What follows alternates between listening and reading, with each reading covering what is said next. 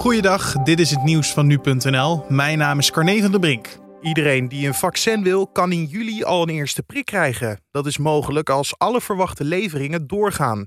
Zo zei minister Hugo de Jonge gisteravond bij op 1. De, de eerste miljoen hebben we gezet in 46 dagen. En over de tweede miljoen, die zetten we half maart. Daar gaan we nog geen 20 dagen over doen. En de derde miljoen, die verwacht ik echt op de drempel maart-april eh, te kunnen zetten. En als je dan de film verder vooruitspoelt, eh, dan denk ik dat we als het tweede kwartaal voorbij is, dat we zo'n 18 miljoen prikken moeten kunnen hebben gezet. Het kabinet hield er eerst rekening mee dat het zeker tot het begin van de herfst zou duren voordat iedereen tenminste deels gevaccineerd zou zijn. Op basis van de ervaringen van de afgelopen tijd is die jongen nu optimistischer. Nou, we hebben 17 miljoen mensen ruim, maar alleen de volwassenen hè, eh, zijn op dit moment onderdeel van de groep die we gaan vaccineren. En stel nou eens dat daar 80, 85 procent eh, zich van wil laten vaccineren. Dan hebben we zo'n 12 miljoen mensen. Dan denk ik dat je twee derde daarvan volledig beschermd moet kunnen hebben. En een derde daarvan moet je een eerste prik in ieder geval kunnen hebben gegeven tegen die tijd. De jongen benadrukte wel dat alles uiteindelijk afhangt van de leveringen van de verschillende farmaceuten.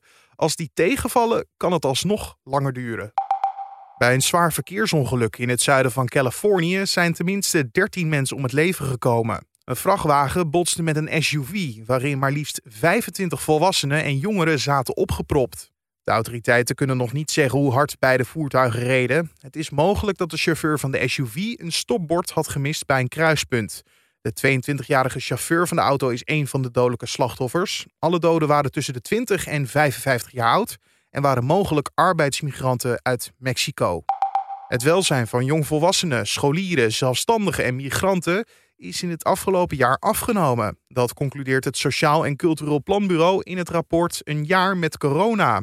Volgens het planbureau had de pandemie grote impact op jongeren met een lage sociaal-economische status. Zo verloren talloze jongvolwassenen hun baan, terwijl ook het aantal sociale contacten flink werd ingeperkt door de coronamaatregelen. Verder signaleert het planbureau dat kwetsbaarheden die Nederland al had, zijn vergroot door het coronavirus, zoals de risico's van de flexibele arbeidsmarkt en kwetsbare thuissituaties voor kinderen.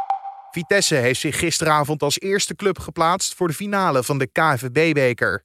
De Arnhemmers waren mede dankzij een prachtig doelpunt van Tanane met 2-0 te sterk voor VVV Venlo. Tanane! Wat een schitterende goal! En daarmee lijkt de eh, finale toch wel heel dichtbij.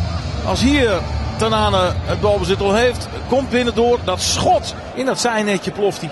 Voor Kiersbaum geen kans om in te grijpen. Het wordt voor Vitesse de vijfde bekerfinale in de clubhistorie. De enige keer dat de eindstrijd werd gewonnen was in 2017, toen AZ met 2-0 werd geklopt in de Kuip. Dat is vooral voor deze fan bij ESPN een bijzonder gevoel. Vier jaar geleden dacht je van, geniet hier me van. Want het zal wel heel lang duren voordat het dan weer een keer gebeurt. En dan flikt het gewoon weer, hè. Dus echt zo... ik moet weer bijna, ja, bijna ervan huilen. Ik hou van Vitesse. En vanavond weten we of ze in de finale spelen tegen Ajax of Heerenveen. En tot zover de nieuwsupdate van nu.nl.